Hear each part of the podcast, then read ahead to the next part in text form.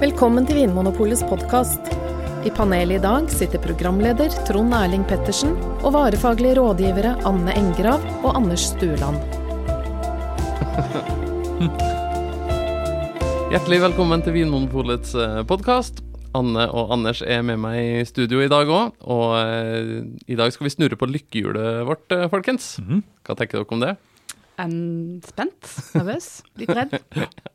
For lykkehjulet vårt det er jo et eh, hjul med massevis av land og områder der det dyrkes druer og lages vin. Ja. Eh, og nå skal vi snurre på hjulet for å finne ut hvilket område vi skal snakke om i dag. Og det er et virtuelt uh, Det er et lykkehjul. eh, digitalt, heldigitalt. Digitalt, ja. Det er det men, ordet. men med analog lyd. Ja. Så eh, nå skal jeg straks snurre, skal dere få høre på den flotte analoge lyden. Så får vi se hvor vi skal reise hen i dag. Det er sånn Arne Norheim-låt. Kan man si det? Det her tror jeg kan bli en fin episode, folkens. Dere skal få lov til å gjette hvor vi skal hen, da. Mm, Colares. Eh, nei, vi, men vi er jo i Europa. Eh, Rioja. Eh, nei, vi skal til Frankrike. Det er ei stor elv som renner Ron. Nei, anna stor elv. Loire. Loire. Loire. Ja, men det er jo en klassiker. Ja, det er en klassiker i vinverden. Mm. Skal vi begynne med geografi, da? Det syns jeg er litt uh, gøy alltid. Hvor eh, er vi hen i verden, holdt jeg på å si? Hvor er vi hen i Frankrike? Hvor er det vi ikke er i Frankrike? ja, for Loire er lang elv den er lang, ja. Den starter midt, midt i, omtrent. midt i Frankrike. Ja. Uh, og så renner den på en måte nordover, og så gjør den en sving vestover. ja. Og så rett ut mot Atlanterhavet. Ja. Og det vi på en måte snakker om som vinområdet Loire, det er på en måte den herre når elva renner vestover mot Atlanterhavet, kanskje. Det er på en Mm. måte der hoved, Mm. Ja, hovedområdet ligger. begge dere to har vært der, har dere ikke det? Ja, jeg har vært i Loire, og det Mm. har vel du òg, Anders. Mm. Du har ikke vært Nei, jeg har ikke det. Jeg drømmer om å dra dit. Men du har smakt mye god vin fra Loire. Det er derfor jeg drømmer om det. Mm. Ja. Eh, kanskje jeg og du, Anders, da skal begynne med å liksom dele opp eh, det, det lange vinområdet litt. Mm. Ja, det er jo helt ytterst. Vi kan kanskje begynne der. Ja. Det er veldig vanlig å begynne helt ytterst. Kanskje. Vi, la oss gjøre det, i hvert fall. Ut mot havet. Ja, for der ligger jo, eh, altså helt ytterst mot havet, så er jo klimaet annerledes enn lenger inn. Eh, og, så der ligger jo dette området som eh, produserer muskadévinene. Ja, for der ligger det en stor by som heter Nantes. Mm. Eh, Og rundt den byen, på en måte, litt sør om den byen, så er det et område som Eller vinene kalles muscadet, Mm. eh, og drua heter Melon de Bourgogne. Ja, og det er litt forvirrende, for det er jo, har ikke noe med burgund å gjøre. Det er, Eller melon. Eller melon. eller melon, nei, det er en godt sagt. Og de smaker ikke melon heller, Nei da. som jeg kan huske. Nei. Nei. Men det, Men muscadet, hvitvin, bare hvitvin. Litt sånn slank og, slank og lett, Mm. Sjømatvin. Par axolans. som, som det heter utafor Nantes. Um, og så noen av de vinene ligger lenge på bunnfallet, altså surli. Ja, nå blir det Eh, mange flotte franske uttrykk Ja, her. så det, Noen ganger så dukker det opp på etiketten, og det betyr at det er en litt ekstra god muskade. da. Og så er det viner som kan virke litt sånn nøytrale og tilbakeholdne når de er unge, men de kan faktisk utvikle seg veldig fint ved lagring. Mm. Som en litt sånn eh, en rimeligere versjon av eh, Chablis, f.eks. Ja. Mm. Sur li, jeg har hørt noen som tenker at det betyr at det har noe med syrlighet å gjøre, at det er liksom sur, surhet. surhet, men det betyr altså på gjærrestene på bunnfallet at vinen ligger og Ja. hviler på de døde gjærrestene. Mm. Noe som kanskje gir litt mer sånn fylde og litt kompleksitet til vinen. Eh, jeg bodde i Nantes når jeg var og besøkte området. Det var en veldig flott by. Mm. Med liksom eh, fine områder, fine kafeer, litt sånn kule butikker. Det Virka som en litt sånn ungdommelig by. Ja, og muskadé er jo også en vin som er litt sånn up and coming. Ja.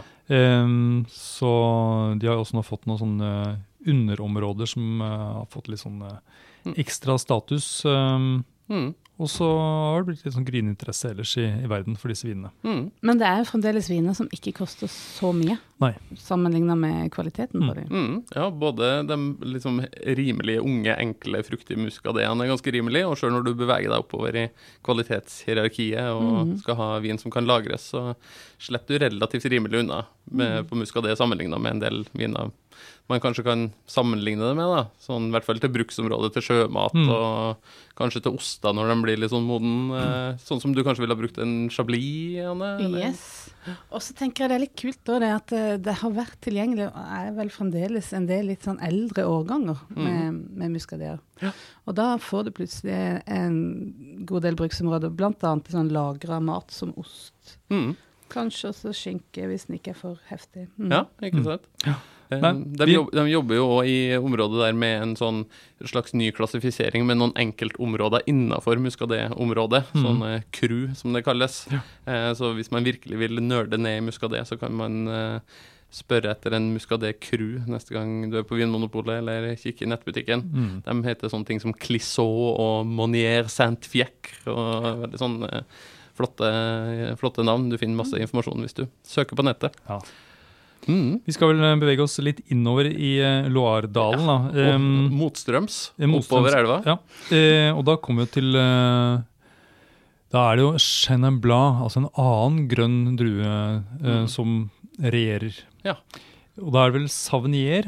Um, på, da på oversida av elva så er det da noen uh, appellasjoner som lager mer søte viner. Ja, for Savnier, det tørre, tørre hvitviner. Ja. Mm, hvis vi skal sammenligne det med noe, Anne, er det lignende på noe Hvis man ikke har smakt så mye Chenin Blanc? eh, Jeg, jeg syns ofte det kan minne litt om Rieslinger.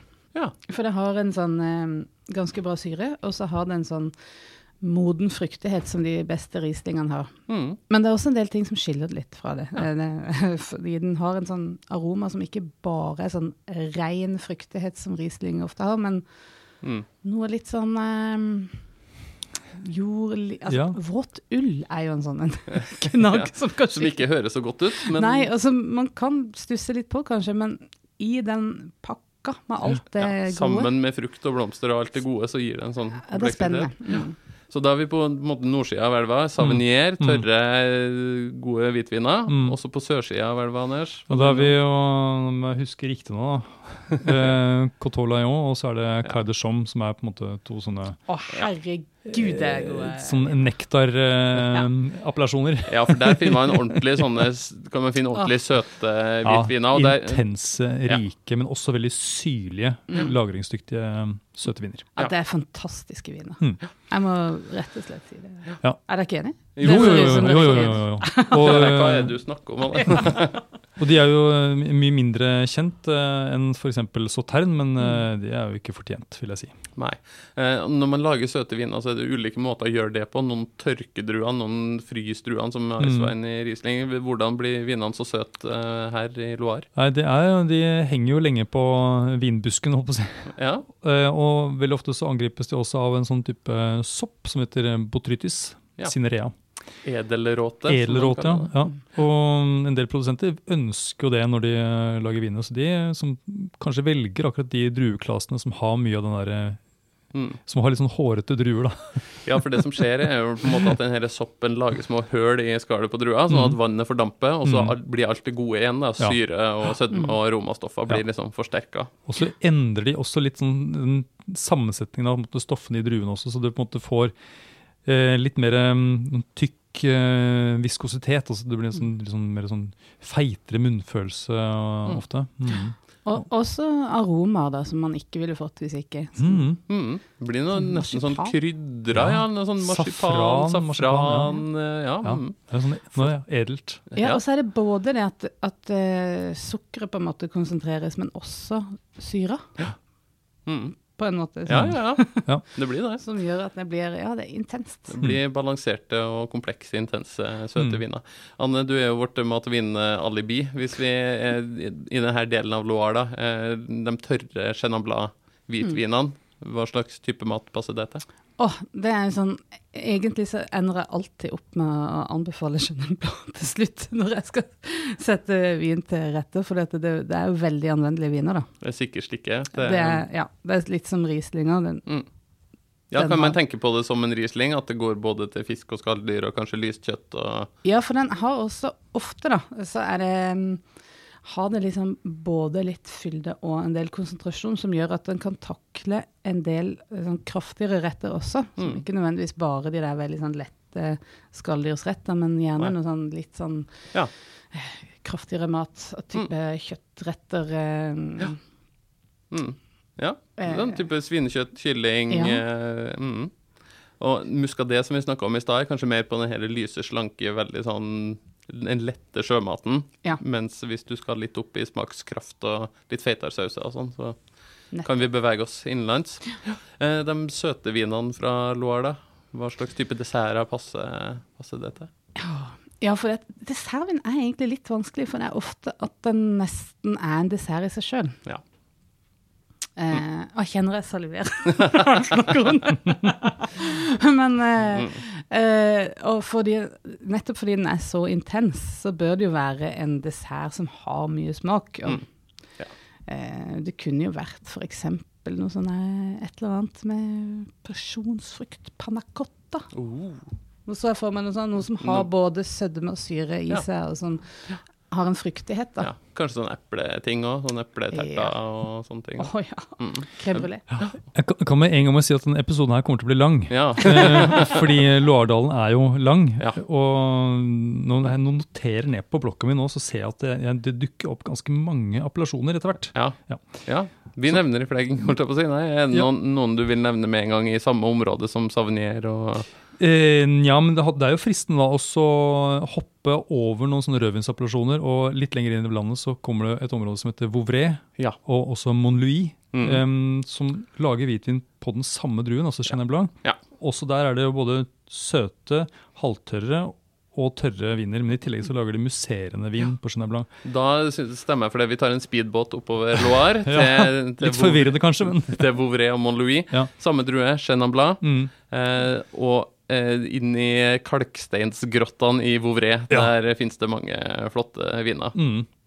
Der har jeg òg vært. Ja, de har jo eh, sånne lange ganger inn under disse der sånne Tofaux Mm. eh, som eh, De har til og med hus, tror jeg, de bygde inni disse Mm. eh, kalksteinskråningene. Ja, yes. Triglodytt, tror jeg det kalles. Ja, jeg var på besøk hos en produsent i Vouvray, og der fortalte de at under andre verdenskrig så var det sånne hemmelige fester inni noen av grottene her. De Ja. gjemte seg for tyskerne Ja. og hadde fest inni, inni vinkjellerne og inni kalksteinsgrottene bak noen sånne hemmelige dører. Der var det piano og band og sang og musikk, og eh, det er sikkert noen vin de hadde stukket unna i en hemmelig del av kjelleren, så ikke tyskerne skulle få tak i. Ja. Vi, vi var jo en gang um, hos en produsent som hadde en sånn kjeller langt langt, langt inn i, i berget. Og det sjuke der var at han, han pekte opp, og så sa han det er en, del du ser kommer ned i taket der, Mm. det er tuppen på røttene på vinplantene, som da var jo, Jo, det har jeg også sett. 30 meter over Mm. oss. Vinplantene står er 30 meter over, og så har røttene vokst ned gjennom, eh, ned gjennom jorda i 30 meter. Og liksom, du kan kile dem på røttene ned, ned i grotta der. Ja, men det sier jo noe om hvor porøst den, eh, det fjellet er, da. Ja, Mm. Så det er jo eh, klart, det er jo, der har du da vann langt nede der, som mm. alltid en kilde til vann. Det er jo veldig lurt, da. Mm. Ja. Du var inne på det, Anders. Her eh, lages det vin som i ulike sødmegrader. Det lages både tørr vin og eh, halvtørr, Ja. og søte viner. Og søtviner. Sånn helt intenst uh, søte viner. Eh, og igjen så er det da noen velger å ha en del botrytis på de eh, søte vinene. Mm. Mm, men det er jo kanskje de tørre vinene som, eh, som nå seiler opp som Mm. favoritten i området. Og, og så er det mange som lager da musserende vin, altså Ja. um, Cremant. Mm. kremant eh, ja. Ja, de kan jo hete bare Vouvray. Eller bare Vouvray. Ja. Musserende Mm. Vouvray. Mm. Og så er det jo um, det vi har snakka om i andre episoder som heter petnat, altså naturlig perlende viner. Det lages jo en del av det i området her òg. Eh, Chenin Blanc er som perlende vin lagd liksom på gamlemåten. Mm. Uh, finnes det òg fra, fra samme område. Mm. Vi har smakt noen gode fra Mont-Louis, blant annet. Um, mm. Ja, jeg vet ikke om, sånn, om de sånn stilmessig er sånn veldig langt unna Savnier eh, Kanskje til se for meg at Savnier er litt sånn enda slankere. Ja, det tenker jeg også. eh, mer- presise på en eller annen måte. Ja. Og så er Vouvray litt litt- mer lubben. Litt mer lubben og Ja. rund i kantene, og bjuder deg på lite, Ja. lite mer. Det er Litt- liksom du kommer lenger inn i landet, så skjer det liksom gradvis, da. Ja. Mm. Litt mer moden frukt, kanskje, og litt mer sånn hånd, eh, blomster og touch av honning, liksom. Ikke bare de helt Mm. lyse Mm. eh, blomster- og urtetonene. Syns ofte det lukter litt sånn, nesten sånn nyplukket kantarell. Ja. Mm. Mm. Ja. Ja. Mhm. Supert. Men du sa vi hoppa over noen rødvinsappellasjoner. ja, Skal vi ta båten nedover igjen, vi da? ta båten nedover, for da kommer jo eh, noen områder som bruker denne mm, blå druetypen Cabernet Franc, blant Ja. annet. Ja, for vi, nå har vi snakka om Chenan Blanc, som Mm. kanskje er liksom uh, hoveddrua i denne delen av uh, Loire på, på hvitvin. Mm. Men på rødvin så er det liksom det første man tenker på, er gjerne Cabernet Franc. Og det er jo da flere appellasjoner som ligger liksom, litt sånn klumpet litt sammen. Eh, Mm. nå, er, ja, nå må dere hjelpe meg litt her. Altså, det, er, det er jo også Ja, og, og det, er jo, det, er jo sånn, det er jo sånn ofte i Frankrike at vin har jo gjerne navn etter landsbyen Ja. eller stedet, så har- området. Så Så Samur, Mm. og så er det Chinot, Borgøy. ja, og San Nicolas de Borgøy. Ja. Her kommer jeg til kort. det er derfor vi har Google. Nei, det er, vi mangler, mangler vi en? Nei, men det er vel de eh, viktigste, det. Ja, nei. Mm. Det er noen som heter Saumur Champigny. Og, Ja, Samur Champigny. Men, eh, altså, det er jo flere gode områder der. Men altså, Cabernet Franc eh, sier litt grann om den Ja. drua, Anders. Hvordan smaker en Cabernet Jo, Franc eh, fra Loire? De kan variere litt hvis årgangen ikke er sånn helt optimal, eller at de plukker litt tidlig, eller eh, sånt noe, ting går litt raskt i svingene, så kan den bli litt sånn, eh, litt sånn rød bær, som er nesten litt sånn umodne i stilen, og sånn preg av eh, paprika, grønn paprika og sånt noe. Mm. Men en god årgang, eller eh, flink vinbonde, eller en, et, en, god, en god vinmark, da blir det mørkere bær, sånn, nesten sånn mørke skogsbær, men fremdeles sånne innslag av dette litt sånn grønne paprikaaktige, men det kan gå mer mot noe sånn nesten pepperaktig og noe sånn blyantspiss, Ja. og noe sånn blekk og ja. Det er Ja, jeg, veldig jeg de er ofte spennende viner. ja, og lett å kjenne igjen. De har på en måte noe av det samme som bordeaux-vina har, med Ja. noe sånn blyantspiss, leire, grafittaktig, i tillegg til fruktigheten. Og som regel ganske frisk også. Ja, jeg syns kanskje det har vært litt vanskelig med Cabernet Franc noen ganger, for det eh, eh, Munnfølelsen kan være ganske snerpet. Altså de du beskrev først, de litt sånn umodne med grønn paprika og litt sånn umoden tannin som snerper ganske mye. Og så allikevel en del spennende aromaer, så jeg liksom bestemt meg for det når jeg lukter på vinen at å, dette her er spennende, og så smaker jeg på det, og så Og så er det litt krevende. ja, så innfrir det ikke helt. Mens andre ganger så har det vært helt sånn, ja, veldig Mm. overbevisende, da. Så det, det er alltid spennende å smake Cabernet Franc. Mm. Og her syns jeg drua, eh, eller navnet på drua passer godt inn, for det heter Cabernet Franc, altså det, det franske, den franske drua. Og franskmenn kan jo òg være litt sånn. Ja. Av og til er de litt sur og inneslutta og vanskelig å forstå seg på, og de er litt sånn særegen og kranglevoren, men så kan de være superhyggelige, de kan være så elegante, og de kan være Du Ja, kan bare sitte på en fortauskafé og bare Ja. betrakte den fantastiske, elegante damen som går forbi. Er litt sånn Ja, Ja. Ja. et godt Kan ha mange ansikter. Mm. Ja, men det er også rødviner som kan, eh, kan lagres en stund, ja. um, er min erfaring. Mm. Um, så, men gjerne litt mindre fatpreg på disse vinene enn det som er vanlig i Bordeaux, da. Mm. Selv blant eh, liksom, toppprodusentene. Eh, når plukker man fram en eh, Cabernet Franc fra f.eks. Chinot eller Bourgueil eller noen av de eh, rødvinsappellasjonene i Loire, Anne? Mm, hva skal man si? Jeg husker mitt første møte med Cabernet Franc. Da um, fortalte polekspeditøren meg at det her er en litt sånn eh, fransk hverdagsmat. Litt sånn gryta med, med kjøtt eller eh, litt, Mm. sånn, litt sånn bondekost fra Frankrike. Da passer det ofte godt med Cabernet Ja, Franc. absolutt. Men jeg tenker også at for å få fram en del av de der eh, aromaene som er liksom sammensatt og fine, at det skal være noe som som er liksom eh, distinkt på tallerkenen. Altså, Helt klart det er sikkert kjempegodt i sånn cassoulet og sånn, Mm. men at jeg ser for meg en rett som er litt sånn mm, avgrensa, ikke kokt sammen nødvendigvis. Nei, Mm. men et godt stykke kjøtt, f.eks. Ja. Lammekjøtt eller Mm. eh, storfekjøtt. og Lammekjøtt sikkert kjempegodt, Ja. med litt sånn fersk tilbehør. Ikke, Mm. ikke nødvendigvis ratatouille, men noe sånn Ja, asparges, kanskje. For å ja noe litt sånn vårlig og grønt, for å kanskje spille på de grønne tonene som kan være i vinen. Ja, noe sånt. Mm. Ja. Det det er så vanskelig å komme på noe sånt. Vanskelig å komme på noe god mat. Nei, egentlig er det jo ikke Det pleier du vanligvis ikke å ha noe problemer med. Anne. Men er ikke Loire er ikke det liksom eh, der hvor gjeddebolla bor? holdt du på? Ikke det Sjura? Er det? Nei, nei. Men altså, vi er jo godt inne i landet. Det er jo elve, sikkert Ja. sånn Sikkert noen kjempesvære gjedder som driver og svømmer. eh, Eller de svømmer sjelden, da. Gjeddene de bare ligger stille. I, Ja. men eh, jeg tror det. Sånne Mm. quenel, quenel, Ja. tror jeg det heter. Mm, Sånne sånn gjeddeboller. Ja. Så dyrkes det jo mye grønnsaker i, i Loire. Det er jo et jordbruksområde par excellence òg. Ja. Eh, og så er de kjent for en del gode oster, sånn type geitost, eh, Ja. chèvre og sånn. Ja, det fra Og nå skal vi jo, nå er vi, hvis vi sier at vi er ferdig med disse rødvinsappellasjonene Ja. midt i Loire nå, så mm. skal vi enda lengre inn. Ja, Det stjerner, Og på en måte. ja, kanskje de mest kjente områdene. Eh, og- og det er også der hvor de er kjent for å lage hvit geitost, da. Chèvre. Ja. Og da skal vi til Sancerre. Sancerre. Ja. Mm. Og Pouilly Fumé, da, som Mm. ligger, eh, ligger ved siden av. Ja, det altså Sancerre. Velkjent, eh, frisk, eh, tørr, syrlig, vårlig hvitvin. Vi Mm. må snakke litt om den. Og så må vi snakke om den mindre kjente lillebroren, lillesøstera. Ja. Fetteren, kusina. Pouilly Fumé. Mm. Og også den bitte lille attpåklatten Coteau de Genoise. Den som har blitt gjemt bort på loftet i mange år. Men her er det da Sauvignon Blanc-druen som er eh, Ja. sånn hovedattraksjonen. Mm, nå har vi kjørt eh, enda lenger Mm. oppover elva og Ja. gjort et sceneskifte og sagt farvel, Chenin Blad. Velkommen, Sauvignon Blad. så- og så er jordsmonnet litt annerledes også. Nå er det jo kanskje noe litt felles med sånn som Chablis og sånt, litt sånn gammel sjøbunn med innslag av noe flint og, og sånt noe. Ja. Kalles silex Mm. eh, Ja. der borte. Anne, Ja. hva er det første du tenker på når jeg sier Sancerre?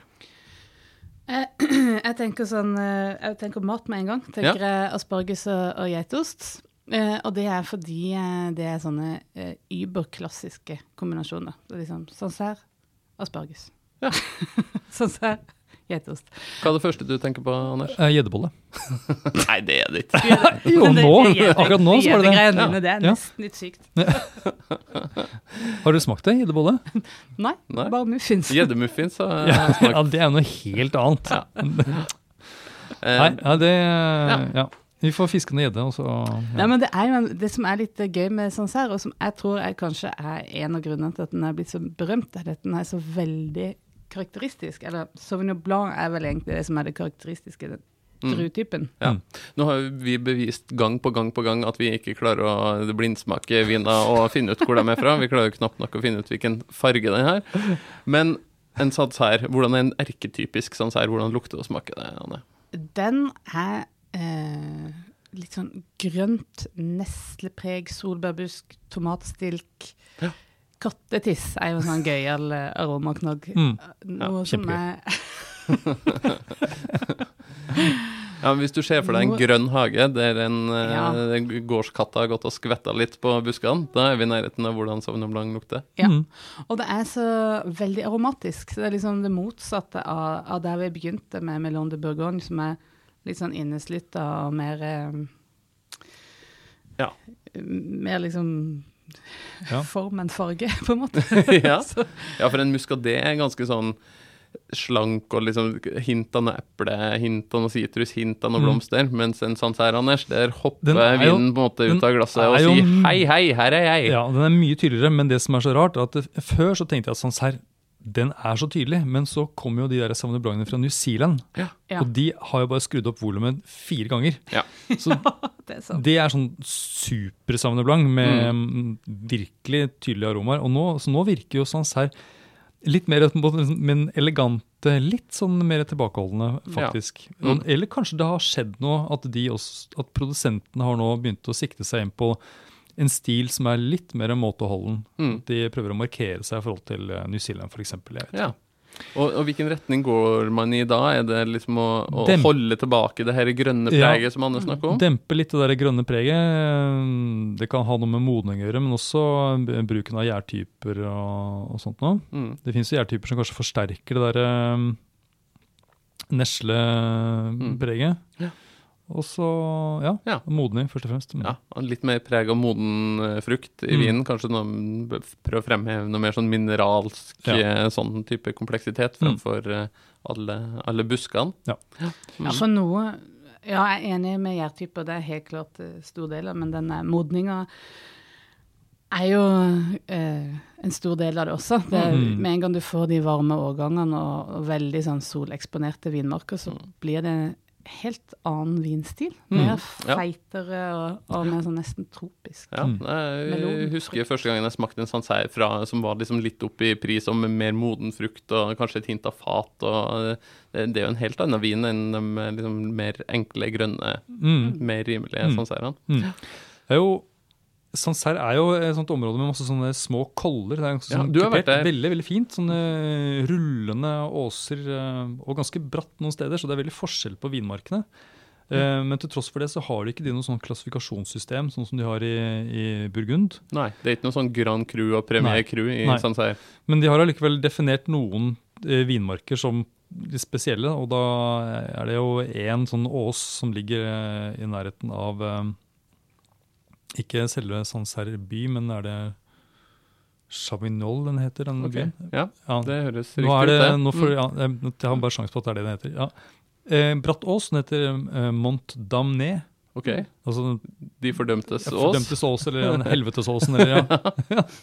Fordi den sikkert er så bratt da, og vanskelig å, Mm. å dyrke i og Ja. jobbe i. Mm. Men der eh, får man eh, virkelig Får du fordømt gode druer. Fordømt gode druer og fordømt god eh, vin, ja. Ja. Mm. Men så snakka vi om Puy Fumé. Ja. Eh, hva er forskjellen på en Sancerre og en Puy Fumé, Anne? Jeg vet du hva, det klarer jeg ikke Jeg tror jeg er garantert sikker på at jeg ikke hadde klart å ta det i en blindsmaking. Ikke heller. Nei. Nei. Men på papiret er det en forskjell? De kommer fra ulike steder. Ja. Det er på en måte hovedforskjellen. Det er hovedforskjellen. De Mm. ligger ikke så langt fra hverandre heller. Samme drue, stort sett samme måte å lage vin på. Ja. Ja. Også sånn uh, flint i, i jordsmonnet. Ja. Det er noen som snakker om at det kan være mer sånn en mer røykaktig preg, eller litt sånn flintpreg på en Ja. poifumé. Sammenligna med en sånn her. Hva er deres opplevelse av det? Dere har sikkert smakt eh, mye av begge deler. Nei, jeg klarer ikke å kjenne noe Nei, Spesiell forskjell, jeg nei. ikke det. Det fins hvis her med røyk og flintpreg, Ja. og det fins Puy uten. Og, Ja. Mm. Og så er det da den derre Coteau Chinoise, som er da en som ligger litt stykke unna. mm, Kanskje ikke har så mye sånn flint i jordsmonnet, men som allikevel har veldig sånn gode Sauvignon Blanc-viner til en, eh, en rimeligere pris da, enn de mer kjente, som Mm. Sancerre og Parfumé. Ja. Men vi må ikke glemme det at uh, Sancerre også lager uh, både rød og rosa vin. Ja. Ja. Ja. Og da, nå det er har, fort vi, jo- gjort å glemme. Nå har vi jo kommet ganske langt inn i landet, og vi på en måte begynner å nærme oss kanskje områdene der Burgund Mhm. ligger. Litt sånn samme klimasone på en måte som, eh, som Burgund. Og Ja. da er det jo vår gamle venn Pinot Noir som, eh, som dukker opp. Det er det. Ja. Og jeg vil si at det har de begynt å få til skikkelig bra, faktisk. Mm. Eh, Så ettersom prisene på rød burgundere har skutt i, i taket, eller Mm. gått i taket Hva sier man? Skutt, Skutt i været. Skutt i været, ja. Å gå i taket. Skuter. Ja. ja. Kryss i taket. Ehm, Mm. Så er kanskje rød Sancerre eh, verdt et forsøk. Mhm. Mm. Og rosa. Og rosa. Ja. Mhm. Ja, og det er jo et litt, en litt ukjent vin, en rød Sancerre. Det- Da kan du imponere litt på festen hvis du, hvis du dukker opp med en rød Sancerre. Mm. Ja, det er og liksom en selvmotsigelse. Ja. ja. Mm. Så det får være hipstertipset i dag, da. Prøv Ja. en, en rødvin fra Sancerre. Og så er det da mer sånn store, eller sånn eh, generiske appellasjoner i, eh, i Loire også. Mm. Ja, det lages jo musserende vin der. Cremant de Loire, for, For eksempel. eksempel, ja. eh, Som ofte er på Chenin Blanc. Mhm. Ja. Og så er det jo Er det Cheverny? Det heter et Ja. område som ligger eh, også da mm, litt vest da for Sancerre og Mm. Pouillemé. Og så er det jo en del sånn naturvinsprodusenter. Ja. mhm. De er jo kjent for å Det er et område som er langt fremme både på liksom biodynamisk eh, dyrking og vinproduksjon og mm. naturvin. Mm. eh, Sånn petnat, naturlig perlene, som Mm. vi var innom. Så det, det fins en del litt sånn eksperimentelle viner, kan vi Ja. si det. Og Ja. litt sånn utafor allfarvei-viner. Og noe litt sånn utenfor allfarvei druetyper også, som fremdeles eh, finnes Ja. da i Loire, sånn som eh, Pinot og Onis, Ja. eller Onis. Eh, Pinot. Aunis skrives det i hvert Ja. fall. onis. Ja. Det, som er en blådrue, som gir jo rød, rød Mm. Um, ofte kan ha litt sånn pepperaktig preg, Mm. og sånn blomster. Veldig spennende. Uh, og så en drue som heter uh, Romorar, Romorartin. Ja. Romor, Romorante? Noe i den duren. det her er jo ikke noe som står på bordet hver helg nei, hjemme hos oss. nei, nei, det er jo ikke det. Men jeg, jeg bare tenkte jeg skulle nevne at det er eh, det, det skjer mye spennende i Loire. Ja. Ja. Det er jo generelt, som du som hører på sikkert har skjønt, et veldig sånn mangfoldig vinområde. Mm. Loire er stort geografisk. Det er lang elv, og det er mange underområder av druetyper. Så hvis eh, du syns det her hørtes interessant ut, så er det masse man kan dykke ned i, både i vinbøker og på nettsidene til oss i Vinmonopolet, um, hvis du er nysgjerrig på vin fra Loire. Mm. Nå er det sikkert noe vi har glemt. Ja, det er helt sikkert det. Ja. Men vi, det er masse vi har snakka om òg. Mm. Så eh, Og bare sånn, for ordens skyld, gjeddeboller, det fins. det, er, det er ikke noe jeg har funnet på. Nei. Og eh, hvis du først eh, får lysta over deg der hjemme til å lage gjeddeboller, hvilken Loire-vin ville du ha satt på bordet når du skal servere gjeddeboller? Savnier. Mm. Ja. Hvis det er, for det er fløtesaus, Oi, Ja, selvfølgelig. Ja, det må være Er det sånn fløte. fiskeboller, liksom? Franske fiskeboller? Ja. Ja, er jo en fisk. Ja, ja. Ja. det Men som hvitsaus. Ja, ja. Gjeddeboller i fløtesaus. Ja. Da går vi for en savnier Yes. Basert på Chenin Blanc fra Loardalen. OK, det ble en lang og eh, mangslungen episode, eh, folkens. Men vi kan varmt anbefale både vinene fra Loire og reise dit. Det er spennende områder å, å besøke. Det er mange flotte slott også langs med Loire-elva, har jeg skjønt. Jeg har ikke eh, sovet i noen av de her himmelsengene sjøl, men det skal visst være ordentlig stas. Eh, takk for i dag. Eh, vi er snart tilbake med en ny episode av Vinmonopolets podkast. Takk for at du hører på Vinmonopolets podkast. Har du forslag til et tema i podkasten? Send mail til podkast at vinmonopolet.no. I tillegg svarer kundesenteret deg på e-post, chat og telefon.